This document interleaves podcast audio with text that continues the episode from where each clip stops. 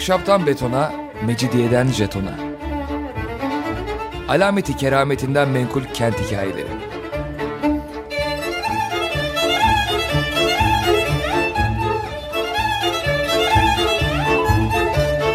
Hazırlayan ve sunan Pınar Erkan.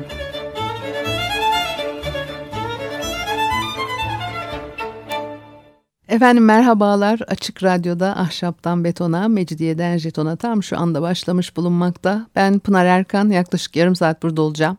Özellikle bugün istisnasız hepimizi çok yakından ilgilendiren, önemi hiçbir şekilde e, reddedilemeyecek bir konuyu ele alacağız. Biraz da kaba saba bir konu. Radyo programında ele alınması o kadar da kolay olmayan bir konu. Ancak üzerinde durulmasının yararlı olacağına kanaat getirdim. Çünkü medeniyetle ilgili net ve çarpıcı bir e, resim çiziyor bize. Japonya'da 1988 yılında bir tuvalet sempozyumu düzenlenmiş. 220 uzman katılmış sempozyuma. Artık bir radyo programını bana çok görmezsiniz. Eğer bunun arkasından başka sempozyumlarda düzenmiş, düzenlenmişse tabii onları ben bilmiyorum. E, Mezopotamya uygarlığın beşiği olarak adlandırılır. Çünkü karmaşık toplumsal kurumlar ilk burada ortaya çıkıyor. Ancak bu bölge bir başka ünvanı daha hak etmektedir. Hıfzı Sıha'nın merkezi. Mezopotamya halkları insan dışkısıyla ilgili sorunları ilk ele alanlar arasında. O dönemlerden başlayarak kısaca kimi uygarlıklarda tuvalet sorununun nasıl halledildiğini gösteren örnekler anlatacağım size. Milattan önce 3750 yıllarında Sümerlilere ait ilk tuvaletlere rastlanıyor. Milattan önce 3500 yıllarında Kuzey Suriye'de temiz su ve atık su boruları bulunan banyo ve tuvaletler mevcutmuş. Hindistan'da da o tarihlerde bizdekine benzer Alaturka tuvaletler bulunmuş. Mısırlılar hemen her konuda diğer uygarlıkların tersi alışkanlıklara sahipti. Örnek verelim. Kadınlar pazara giderek ticaret yaparken erkekler evde oturup dokuma yapıyorlar. Erkekler yüklerini başlarının üstünde, kadınlar sırtlarında taşıyorlar. Kadınlar ayakta, erkekler çömelerek hacet gideriyorlar. Mısırlıların e, dışkı ve ismi bu programda bize hiç lazım olmayan bir böcekle ilgili son derece ilginç ve iç kıyıcı hikayeleri varsa da onları size aktarmaya maneviyatım yetmiyor. Çünkü okurken e, kıyıldım gittim. Fakat var yani tarih ilginç nokta nokta hikayeleriyle dolu bunu da bilmenizi isterim. İbranilerle akraba olan eski Moab kabilesi birden çok tanrıya tapıyor. Bu tanrılardan birinin adı Belfegor ve tahmin ettiğiniz gibi dışkı tanrısı. Belfegor'a armağan sunmak istediklerinde Moab kabilesi mensupları pantolonları indirip sunağın önünde hacet giderirlermiş. Tanrımıza ayin yapacağız deyince akan sular duruyor elbette ve her toplumun kendine has ritüelleri var. Tarihi kurcalayınca değişik şeylerle karşılaşıyorsunuz. Yunanlılar güzelliğe çok düşkündü bilen bilir. O kadar ki günahkar güzel bir insansa tanrıların onu bağışlayacağına işaret etmiş Plutark bir keresinde. Ee, Yunanistan'daki Sibaris kenti burada yaşayan insanların e, güzelliğe düşkünlüğü ve aylaklığa merakıyla ün salmış. Lazımlığı aylaklıkları nedeniyle icat ettikleri sanılıyor. Süslü lazımlıklarına o kadar bağlıymışlar ki her yere yanlarında taşırlarmış. Ancak Yunanlıların tuvaletleri Mısırlılardan öğrendikleri yolunda da bazı tezler e, ileri e, sürülmüştür. Şimdi Roma e, su kanalları çok önemli. Oturakları, lağım çukurları ve e, tuvaletler şehrin temizliği ve medeniyetine katkıda bulunan unsurlar.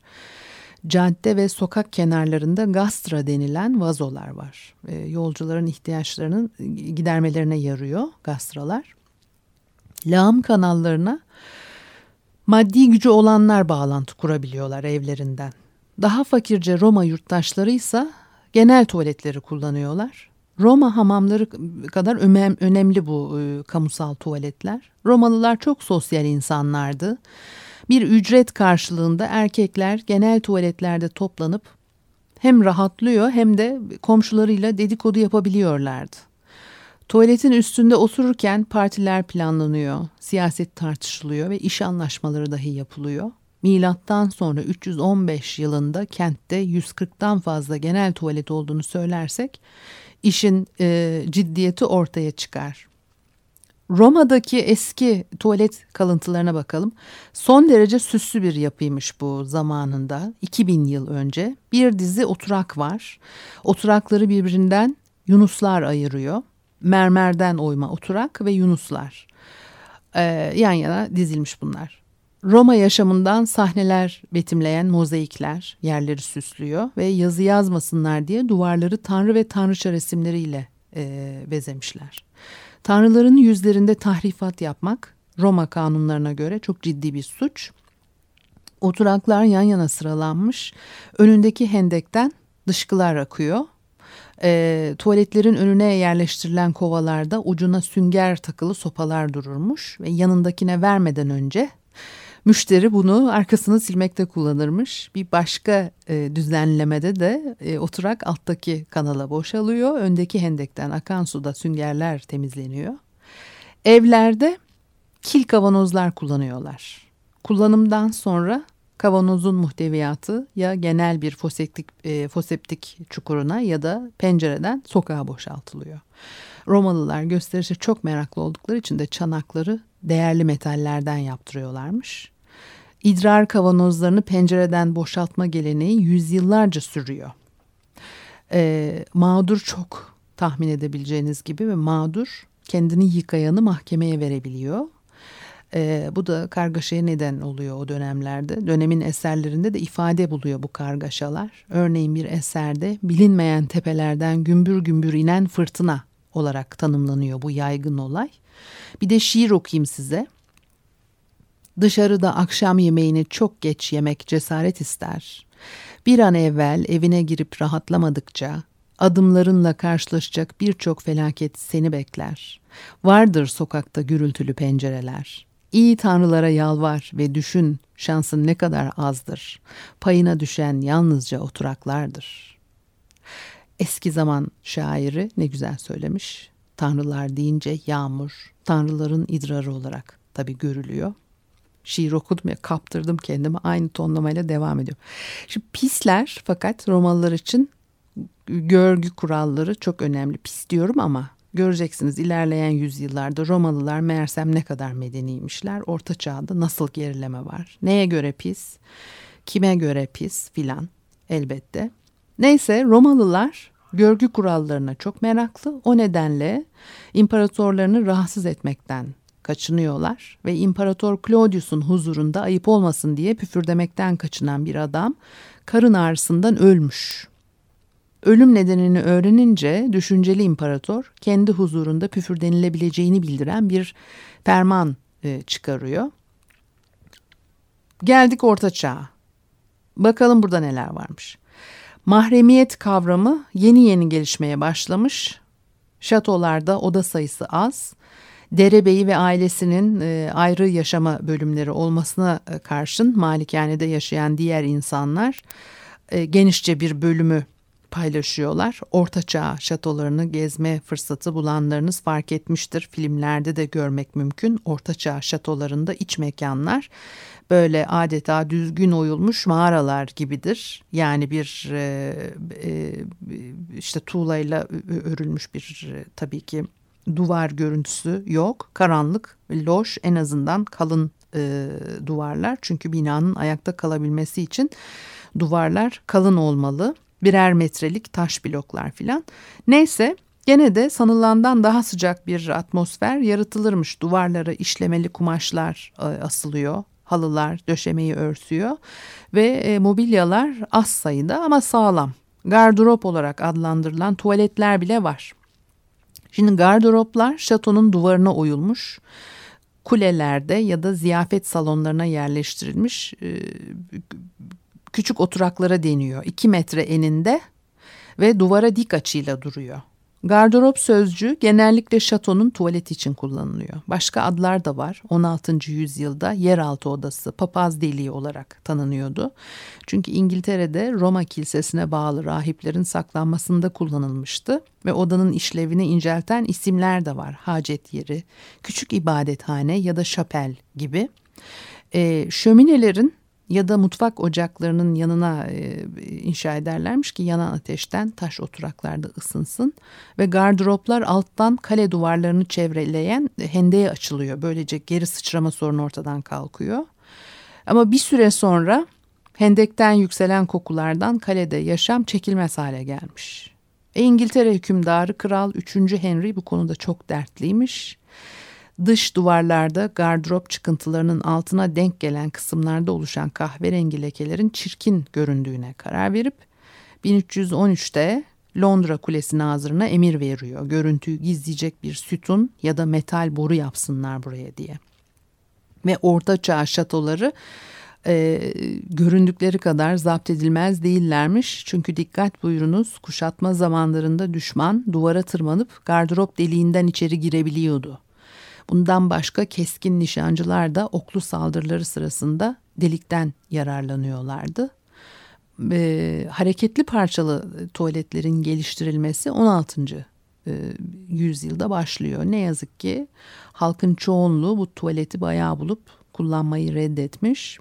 Dindar orta, orta çağlardan çıkmakta olan birçok toplum Rönesans döneminde yıkanmak gibi vücuda özen göstermek anlamına gelen uğraşları dinden çıkmak ya da görgüsüzlük olarak değerlendiriyor ve Victoria çağına kadar da bir daha işler e, tuvalet görülmemiş. 15. yüzyılda artık kaba metalden ya da topraktan e, yapılmıyor oturak ve dolayısıyla da kullanıcının konumunu yansıtıyor. Birinci James'in gümüşten bir oturağı vardı. Kardinal Mazarininki kadife ile ipek ve altın püsküllü altın bantlı camdan bir oturak. 14. Louis gösteriş kişiliğine yaraşan kraliyet armalarıyla süslü bir oturağı kullanıyor. Yolculuk ve savaşta yanında taşıdığı yedekleri de unutmayalım. Akşam şölenlerinin ardından soylu hanımlar salondan ayrıldıkları zaman yemek odasındaki erkeklere oturakları getiriliyor. Böylece ihtiyaç gidermek isteyen o ilginç beyefendiler birbirlerinin sohbetinden de mahrum kalmıyorlarmış. Bir ara verelim ondan sonra devam edelim.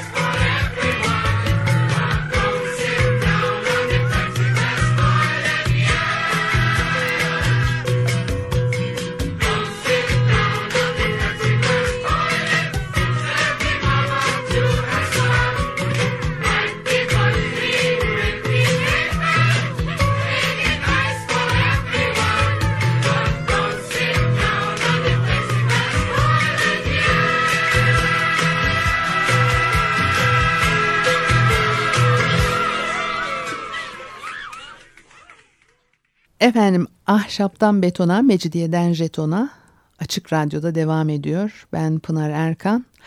Tuvaletin e, gelişmesiyle ilgili ve e, eski çağlarda kullanımıyla ilgili bazı bilgiler size aktarıyordum. Ona devam edeceğiz. 15. yüzyılda e, en son artık e, oturak e, formunda farklı kullanımlar ve malzemeler e, ortaya çıktığını söylemiştim. 1482'de Fatih Sultan Mehmet'in oğlu Cem, abisi 2. Beyazıt'a yenik düşünce Rodos şövalyelerine sığınır. Çok meşhur hikaye bu biliyorsunuz. Kendisini e, Fransa'da bir şatoya kapatıyorlar. Tur şatosu. Cem ismini Zizim şeklinde söyleyen Fransızlar e, Cem'in kaldığı kuleyi de bu adla anar olmuşlar. Cem Sultan koca şatoda doğru dürüst tek bir tuvaletin olmayışına çok hayret etmiş. Çok ısrar edince de ona ait bir tuvalet yapmışlar. Demir parmaklıklarla çevrilmiş bir Alaturka tuvaleti e, şatoya giderseniz görebilirsiniz. 17. yüzyıl kent sakinleri de e, insan pisliğini imha etme yöntemlerinden olarak bunları sokağa fırlatıveriyorlarmış. Neyse ki gelip geçenler artık medeniyet ilerledi ya nazikçe uyarılıyorlar. İngilizler garde diye e, e, bağırıyorlar. Muhtemelen İngilizce'de tuvalet anlamına gelen loo sözcüğü buradan gelmektedir. İtalya'da fenerinizi uzak tutun diye bağırmaktaydılar. Görgülü ve nazik beyefendiler kadınların sol tarafında yürüyerek pencerelerden gelebilecek korkunç saldırılara karşı onlara kalkan olurlardı. Bu adet bugün de sürer. Artık centilmenlik olsun diye sol yanınızda yürüyecek erkek kaldı mı bilmiyorum ama o kayık gibi şapkaların da başları mütecaviz malzemelerden korumak amacıyla icat ettikleri söylenir. Ve ilk yüksek topuklu iskarpinler Versay'ın bahçesinde pisliklere bulanmadan yürüyebilmek için yapılmış. Bunlar tabii rivayet e, topuklu ayakkabıların ortaya çıkışıyla ilgili e, başka e, veriler e, var ama e, burada da böyle bir, bir işe de yaradığı tabii göz ardı edilemez bir gerçek de olabilir. 17. yüzyılda yaygın olarak kapalı oturaklar kullanılıyor. Kapalı bir ahşap kutunun içine konmuş oturak işte. Yani kapak kaldırılıyor ve oturuluyor. Kutulu oturakların yaratıcıları kuş, kır manzaraları ve Çin e, motifli gravürlerinde altın ve gümüş kullanıyorlar. İmtiyazlı popolar içinse kadife, kırmızı şam kumaşı ya da deriden minderler yapılmış. Süslemeler o günün modasına göre de değişiyor. 17. yüzyılda Versailles Sarayı'nda 274 oturak bulunmasına karşın soylu hanımlar ve beyler yanlarında getirdikleri lazımlıklarını tercih ediyorlarmış. Kral 14. Louis konuklarını kutulu oturağında otururken karşılarmış. Ciddi toplantılar sırasında Kral 14. Louis'i oturağında seyretme ayrıcalığını saraya gelen büyükelçilerin pek azı takdir edebiliyormuş. Adamın ölümünden sonra bir inceleme yapılmış ve dev bir midesi olduğu ve bağırsaklarının normal bir insanınkinden iki kat uzun olduğunu görmüşler.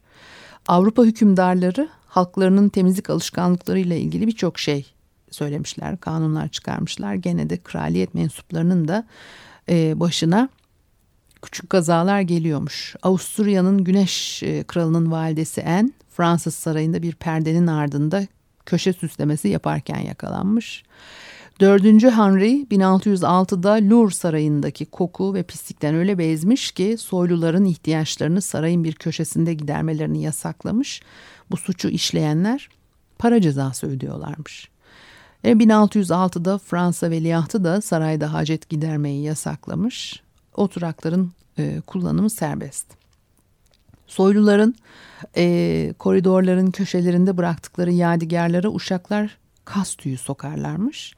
Birkaç gün sonra da bu sertleşmiş materyali kas tüyünden tutup bahçeye fırlatırlarmış. Üstüne tüy dikmek yani kötü olan bir durumu yeni bir eylemle daha da kötüleştirmek anlamına gelen deyim de buradan kaynaklanıyormuş. 18. yüzyıl sonunda ev sahipleri parti verdikleri zaman oturak kiralanırmış. Konuklar sarhoş olunca oturaklarda kırılıyor haliyle ve kırık sayısı partinin başarısını gösterirmiş.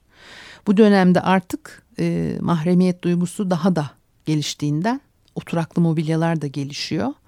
1800'lerin sonunda artık tuvaletler hak ettikleri önemi kazanmaya başlıyorlar e, mimarlar sifonlu tuvaletleri planlarına koymaya başlıyor. Mucitler ve girişimciler e, yeni pazarda pay kapmak için koşuşuyorlar. Ancak Victoria çağının utangaçlığı yüzünden o yaratıcı beyinler oldukça zorlanmışlardır. Diyebiliriz ki 19. yüzyılda tuvaleti icat edenler e, insanlar arasında yürüyen devlerdi. Tesisatçı kahramanların büyüsüne krallar bile kapılmışlardı. 20. yüzyılda bile tuvalet sorunun çözülemediğini söyleyebiliriz. Tabii teknolojik gelişmeler tamam fakat teknolojinin gelişmesi her zaman insanların çağdaşlaştığı anlamına gelmiyor. İnsan alışkanlıkları son derece önemli. Bu konuda araştırma yapan bir Hristiyan, Hristiyanlar her zaman temizlik imandan gelir demişlerdir diyor. Temiz bir beden, sah bir e, ruhun aynasıymış da o zaman bedenin temizliğine yönelik bedenimize özen göstermemizi gerektirecek davranışlar nasıl oluyor da dinden çıkma ve görgüsüzlük olarak değerlendirilebiliyor? Batılı gezginler geçen yüzyıllarda doğuda tanık olduklarını yazarken tuvalet adetlerini atlamamışlar. Bir e, Fransızın gözüyle Müslüman adetlerine göre giysileri kirlenmesin diye erkekler de su dökerken çömelir. Temizlik için taş, kil ya da toprak kullanıyorlar. Bunu bu şekilde aktarıyorlar ve Müslümanların titizlikleri konusunda hoşnutsuzlar. Henry Blon isimli bir adam 1634'te Türklerle ilgili betimlemesinde haftada iki ya da üç kere yıkanmayanlar pis kabul ediliyor. Su döktükleri ya da başka kirli bir iş yaptıkları zaman hiç de ilgisi olmayan yerlerini de yıkıyorlar şeklinde alaycı bir dil kullanıyor bu beyefendi. Müslümanların bedensel temas gerektiren tuvaletlere uygun bulmamaları da e, garip karşılanmıştır. Benim burada iki sorum var. Bir, biz o kadar temizdik de sonra ne oldu? İki, onlar o kadar pisti de sonra ne oldu? Uzayda nasıl hallediyorlar bu işi merak eder misiniz? Alan Shepard 1961'de ilk başarılı insanlı uzay uçuşunu yaptı. Bu efsanevi yolculuğa hazırlanırken Shepard aylarca basınçlı uzay elbiselerin içine girip kapsülün daracık bölmesine tırmanıyor, çalışıyor. Hiçbir sorun yok. Gel gör ki uçuş günü 4 saat boyu fırlatma rampasında kalıyor. Bazı sorunlar halledilene kadar. Ve ne oluyor? O kadar saat beklemeye can mı dayanır? Adamın memişhaneyi ziyaret edeceği tutuyor. Kalkış gecikemez, memişhaneye de gidilemez. Giysilerin içine girmek birkaç saat sürmüş. Üstelik bütün dünya onu seyrediyor. Astronotun tuvalet gereksinimi yüzünden e, e, misyonu çöpe atmak istemeyen uçuş sorumlusu sal gitsin diyor.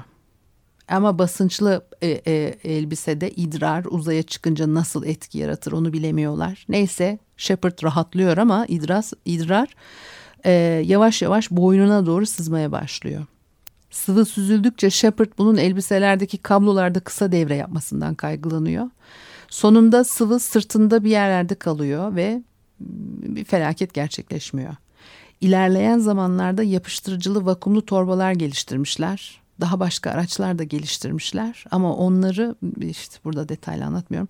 Bu konuyla da ilgili çok ilginç öyküler var. İlginç tuvalet hikayeleri ve bunlar önemli bilgiler aslında sosyal ve tarih bakımından öğretici bilgiler.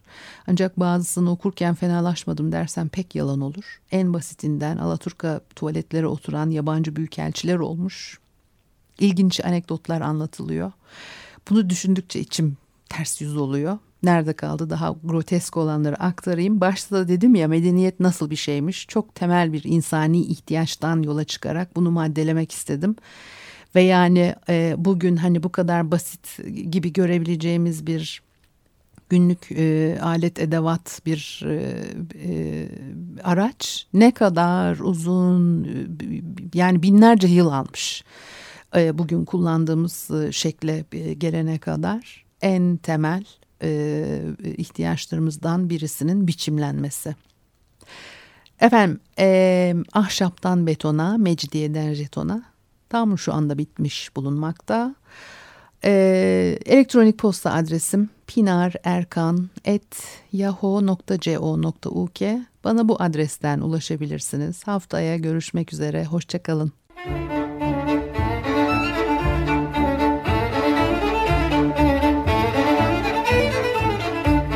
Ahşaptan betona, mecidiyeden jetona. Alameti kerametinden menkul kent hikayeleri.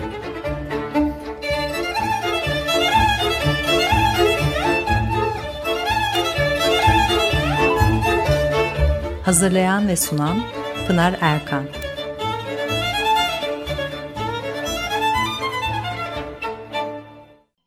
Açık Radyo program destekçisi olun bir veya daha fazla programa destek olmak için 212 alan koduyla 343 41 41